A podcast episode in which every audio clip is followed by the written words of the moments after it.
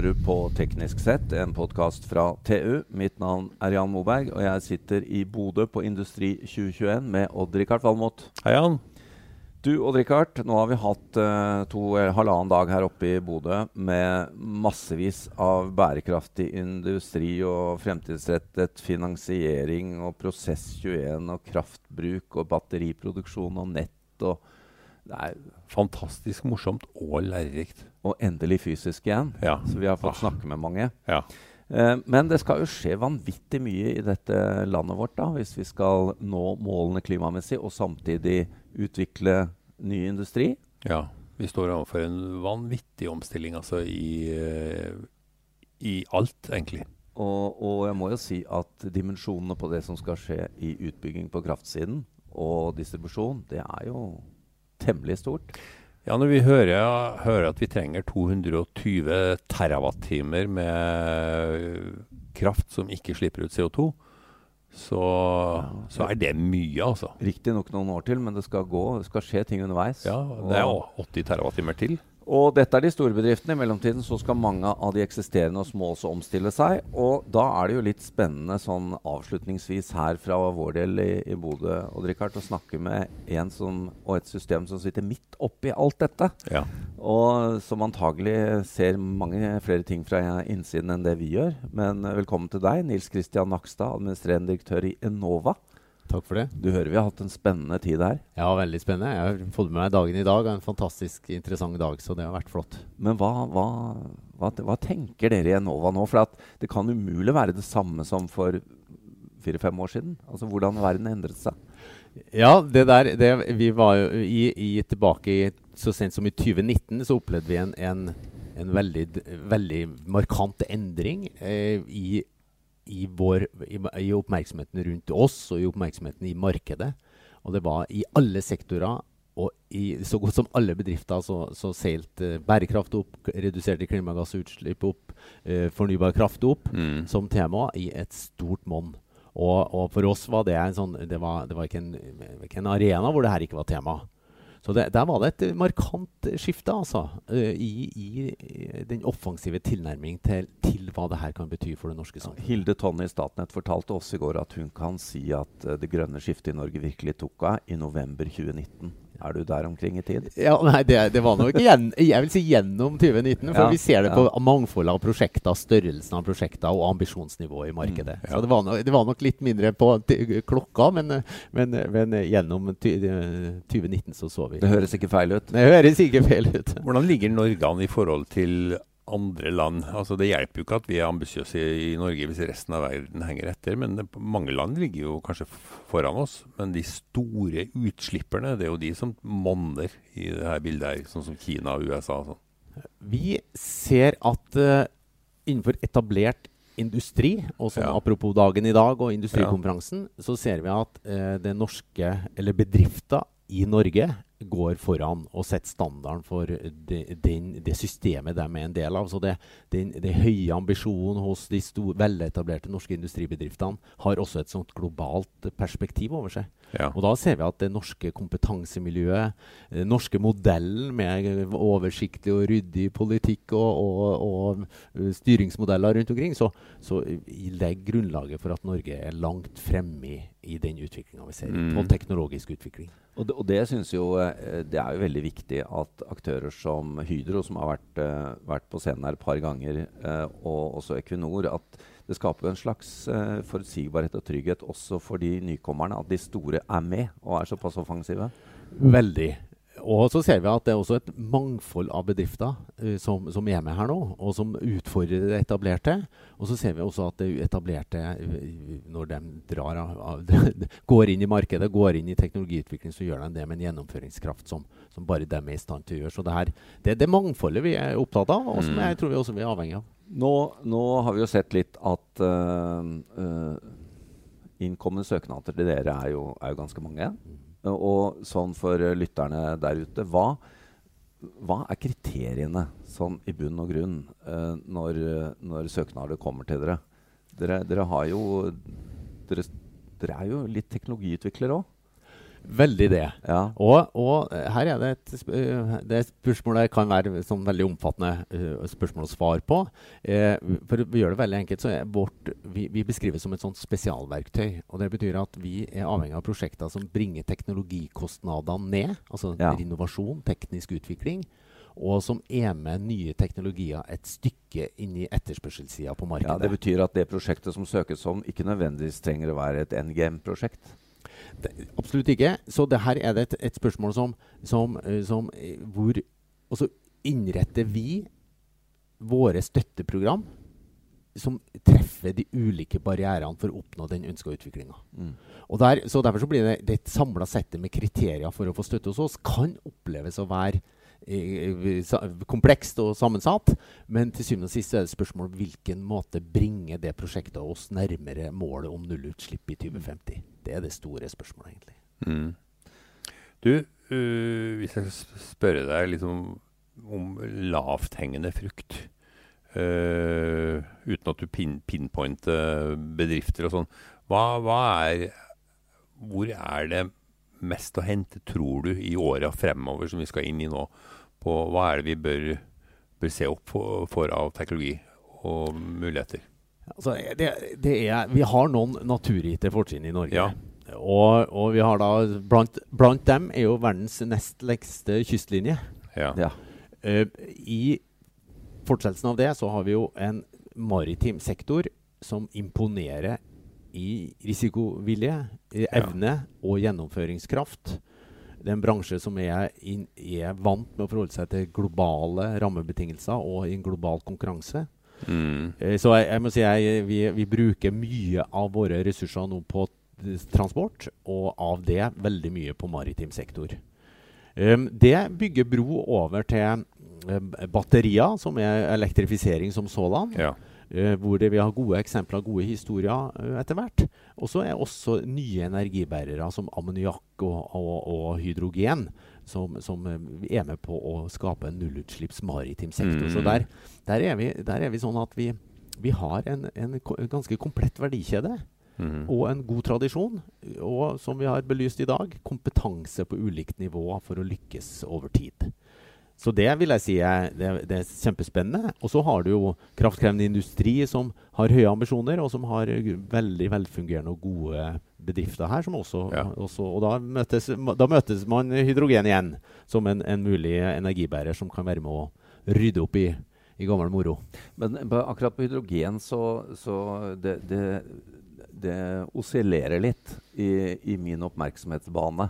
Eh, plutselig er det langt framme, og så faller det litt tilbake. Og så ja. det, det, er det bare mitt inntrykk. Altså jeg, akkurat på personbilen så er det litt sånn avskrevet. Det er ikke der jeg mener. Men, men eh, skjer det nok der? Ja, vi, vi, sitter jo her og har eh, gått ut fra uh, NTNU og NTH på ulike tidspunkt her. da. Vi alle har vel opplevd at, at en hydrogen har vært gjenstand for stor oppmerksomhet over mange tiår. Faktisk. sant? Ja. Eh, så er det en endring nå, det, og som er drevet frem av flere ting. Eh, det er jo åpenbart med nullutslipp i enden, så representerer hydrogen en fantastisk mulighet.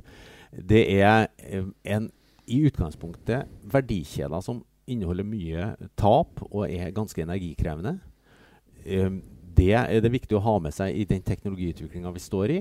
Den fornybare, ikke-regulerbare krafta kan være med å danne grunnlaget for den typen energibærere. Altså hydrogen som en energilager, og som, som fanger opp de naturlige svingningene i den ikke-regulerbare kraftproduksjonen. Og så har du eh, så har du selvfølgelig ja, det, i det store Og det her påvirker kraftprisen Ja. i positiv forstand. Gjør det F kostnadseffektivt å utnytt, utvikle hydrogen. Det, andre, det, det overordna det her er jo selvfølgelig klimapolitikken i hele Europa, i hele verden. Og som, som gjør at det er en voldsomt trykk på å utvikle hydrogen. Både fra naturgass og olje- og gassområdet med, og, og fossil til utgangspunkt, men også elektrolyse. Så det er en veldig stor oppmerksomhet rundt her. Og for oss er det utrolig viktig at mange land, mange teknologimiljøer, mange etablerte og nyetablerte industribedrifter er med på den potensialet som hydrogen er. For bare gjennom den offensive og massive Mm. innsatsen fra hele verden, så tror vi det kan lykkes. Ja, det Så, er, det er, så det her er ikke noe Norge greier alene, altså. nei, da, det er klart det. Og det, det er jo ikke alltid at hydrogen skal brukes til å lage strøm heller, da. Det skal vel brukes i stor grad som reduksjons, reduksjonsmiddel i industrien. Det også.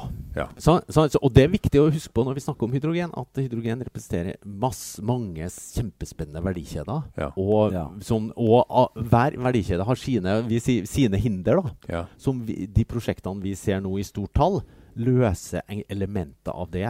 Tekniske løsninger som, som, som virkelig bringer hydrogen inn i en konkurransedyktig Mm. Så, så her er det, det, det er spennende å se hva som skjer på det området. Og mm, det er masse arbeid som gjenstår for å komme helt i mål. ja. For det er jo ingen tvil om at her trenger vi jo egentlig alle, alle disse løsningene, energibærerne. Vi trenger hydrogen med ammoniakk. og Altså, det, her er det hull som skal fylles, som er så store at her må vi bare få ting på plass. Og, eh, men en ting jeg uh, syns var interessant du snakket om, det var to ting. Spredningsevne og kompetansebygging. Hvor kommer det inn i disse prosjektene? Ja, vi, vi, vi er satt opp sånn at det viktigste for oss er at prosjektet etableres og gjennomføres i Norge. Eierskapet til prosjektet trenger ikke å være norsk. Nei. Så, så her er vi, ønsker vi velkommen til utenlandske bedrifter og utenlandske prosjektere som ønsker å prøve ut sin teknologi i Norge. Er det stor andel utenlandske som, eh, som søker? Ja, det, det var et godt spørsmål. Det her er ikke en fullgod oversikt Nei, over. Men, men, men som et eksempel, et Ja. eksempel så har vi jo Alcoa og Elkem, da. Ja, sant? Som, ja. som, som, eh, Ikke norskeid lenger? Ikke, nei, ikke norskeid, men som gjør mange spennende prosjekter Mm, i Absolutt. Norge. absolutt. Så, så her er det alt fra stort og smått. eh, Stort, fra, fra det smått til det store. Det som, det som er det som vi, da er viktig for oss, det er jo at Norge løser jo ikke det her alene. Det å synliggjøre et spredningspotensial for teknologien er viktig. Ja. Det har noe med hvor, hvilke prosjekter som seiler opp til å ha det største potensialet til å lykkes. ja. Og det, det er viktig for oss å ha en, en vurdering av det. Og så er det viktig å ha at det skjer en kompetansebygging i Norge. Og med det så, så mener vi at vi, vi, en av de tingene vi er opptatt av, er at når vi gir en tildeling til et stort prosjekt, så må vi sikre at prosjektet blir gjennomført som planlagt. For vi har da allokert de Ja. pengene til det prosjektet. Ja. Så det er ikke bare å søke oss og lene seg bakover når du har fått pengene. Da er dere på døra for å Hallo! Ja, da har vi en egen proffgjeng Ja. som følger opp hvert eget prosjekt, og som sørger for at man holder fremdriften. Og da er det sånn at den, kom den kompetansen som kreves for å gjennomføre det, og den kompetansen som kreves for å få ut det spredningskompetansepotensialet, det må bygges i Norge. Du, vi må også snakke litt om det såkalte Nakstad-utvalget. For du har jo fått en eget utvalg oppkalt etter det. Ja, vi- Eh, du kan vel ikke si så mye om det ennå, for det, det er jo ikke så lenge siden det har skjedd. Så, men men eh, du kan jo fortelle lytterne våre hva, hva er det det dreier seg om, og hvor fort skal det her gå? Det egentlige navnet er da Strømnettutvalget. Og det, men, Ja. men jeg forstår jo at det er en viss tradisjon for å Ja, for å oppgi det etter lederen. Men altså det vi er etablert i fortsettelsen av, av regjeringens uh, energimelding, som ble levert på forsommeren, forsommeren, så ble det tatt initiativet til å etablere et offentlig utvalg, eh, som, et hurtigarbeidende, eh, som skal eh, eh, jobbe nå da frem til juni neste år mm. på, med tre hovedoppgaver. Vi er ti stykker som skal sitte sammen og utrede eh, og se på muligheten for å redusere den tida det tar å få konsesjon. Ja. Eh, Hva, hva er den i dag, typisk? Å, det varierer. Varierer veldig. Ja. Det hørte vi i går. Men det, det er en del Ja. sånne skrekkeksempler også, går jeg redd for. Ja da, og så er det veldig vanskelig å dimensjonere en prosess ut fra de skrekkeksemplene, og Ja da, vårt ja. arbeid, så her må vi gå grundig til verks. Eh, eh, så, så her er det eh, kort og lang tid, og det, det er rart med det. Det er mange store prosjekter som går fort, og mange små prosjekter som, går, som bruker mye tid. Og det har jo med det faktum, og som er viktig for oss å understreke, at det å bygge ut infrastruktur i Norge, og produksjon for den del, Ja. har mange hensyn å ta. Det er demokratiske prosesser, da. Det er demokratiske demokratiske prosesser, og skal være det. Eh, det er et prosesser og prosjekter som påvirker norsk natur. Eh, og det er mye økonomi involvert. Så, så Derfor så er det viktig at, at eh, ulike sider av den prosessen får tilstrekkelig tid. Mm. Men nå har vi fått beskjed om å se på muligheten for å redusere den tidsbruken. Eh, det andre elementet er i hvilken grad de samfunnsøkonomiske modellene som ligger til grunn for prioritering og gjennomføring Mm. fange, i tilstrekkelig grad fanger opp i seg den usikkerheten som er knytta til forbruket. Ja, for den er annerledes nå enn den gang de ble etablert. Nå er det, det er helt Ja. annerledes. Ja. Og som uh, uh, Tonne i går ga uttrykk for, som dere sa her i dag, det er jo store tall Mm. som er i, i, diskuteres. Og det er mange initiativ rundt omkring som skal få sin bli vurdert. Ja, ja, her ligger det det an til ikke bare motvind, men motnett. Og her ligger her er mye, mye greier. Ja. Og, og da er det viktig å være i hvilken grad de modellene Ja. man bruker i dag, egner seg til det. Ja. Og det siste elementet er også viktig. Det er knytta til tilknytningsplikten. Det betyr at den, den, hvis du har en idé om et nytt forbruk, den retten du har til å knytte deg til eksisterende nett. Ja. Og det er en interessant og viktig mekanisme, men som, som, som i dag også utløser noen utfordringer. Så her er utvalget skal se på eh, et bredt spekter av, av spørsmål. Men hvor, hvor langt inn i nettet skal dere? Er det stamnettet, eller er det helt ned til forbruker her? Ja, det er helt, helt ut. Helt uh, utedoen? Ja, ja, i den grad du har nettet ditt. Ja. Ja. Det, det, her skal gjennom altså det, her, det er jo åpenbart at eh, Statnett ja. blir en viktig aktør aktør ja, vi hører jo det, og NVE, og her, blir, her blir det, det, Ja. det Men det høres også ut, ut fra de dagene vi har hatt her, at dette trengs en gjennomgang. Ja, og det, og det altså nå, nå vet vi at både NVE og Statnett jobber jo med sine prosesser til enhver tid og sørger for å optimalisere det. Men her har vi fått en beskjed om å gå, gå løs grundig i verk og, og se til og med på, på lover og, og det rammebetingelsene Mm. for de prosessene her. Uh, to ting avslutningsvis uh, uh, som jeg lurer på. Det, ene er kompetanse til. Enova. Altså, vi, vi har hørt mye fra disse batteriprosjektene som eh, det er kompetanse det står på. Hvis de skal opp og fly og gjøre en god jobb, så må de få kompetanse. Hvordan er det for dere å hente kompetanse? Ja, vi, er, vi, vi rekrutterer godt. Ja. Vi er 80 medarbeidere i Trondheim. Vi, er, vi har fantastisk flotte, flotte medarbeidere og mange nyansatte. Vi hadde, vi hadde som et eksempel vi hadde 260 søkere på seks sommerjobber. Ja, Så, det. ja. så her er det, det det å jobbe med teknologi, eh, marked, det å jobbe med politikk og virkemiddel, eh, åpenbart interessant. Og så eh, og vi, vi opplever at vi også kvalifiserer til andre jobber etterpå. Så det er en- Nettopp. ja. Greit å ha på CV-en. greit å ha på CV-en. Og så prøver vi, og det er veldig fascinerende å se, og en av de tingene som vi har merka de siste årene, at, at det temaet her eh, utdanner og rekrutterer eh, flotte, flotte mennesker. Så det er snakk om spredningsevne og kompetansebygging der òg, egentlig. Absolutt. absolutt. Helt avslutningsvis, eh, Nils Kristian Nakstad. Vi fikk jo høre eh, under foredraget ditt at dere bl.a. har, eh, har eh, eh, gitt støtte til eh, Freyr, Ja. fabrikken i Mo i Rana, med Ja. 142 millioner 200 og noen tusen, og 69 kroner. Ja. De 69 kronene, hvordan altså det, Vi sitter jo og flirer litt, så det er veldig nøyaktig, da. Ja. Det er, det er jo sånn ingeniørtall. Det er et uttrykk for den grundigheten vi legger inn i enhver arbeidsoppgave. Ja. Men det er så enkelt som at dette er så presist. Ja, det er, det er faktisk det. Og så er det sånn, det blir, Vi har det litt morsomt sjøl også med de tallene. da, sånne store beløp, Og så er vi allikevel et, nesten bak komma. Men, men det har det med, med modellene og den analysen som ligger til grunn for at eh, statsstøtten skal i den totale kostnadsbildet være utløsende for den prosjektet som ellers ikke ville ha skjedd. Og det her er det eh, avanserte med Ja. investeringsanalyser. Kanskje burde ansette en avrundingssjef. Ja, ja, ja. Etterprøvnings... Ja, kanskje det. Ja, Ja, ja, ja. Men tusen takk for at du hadde tid til oss, Nils Kristian Nakstad, administrerende direktør i Enova. Vi bare ønsker deg lykke til med utvalget og alt sammen. Takk for det. Eh, takk til Odd-Rikard Valmot, og mitt navn er Jan Moberg. Dersom du ønsker å konsumere enda mer innhold fra oss i TU.no og Digi.no, anbefaler vi at du blir abonnent. Det vil gi deg tilgang til alt vårt innhold innen energi, elektrifisering, forsvar, fly, samferdsel, byggenæring, industri, maritime næringer, karriere og mye, mye mer fra vår kyndige redaksjon. Du vil da også få tilgang til alle sakene Odd-Rikard skriver om sine 687 favorittområder. Vi har også egne avtaler for bedriftsabonnement, og som om ikke det var nok, medlemmer av Nito og Tekna for halv pris.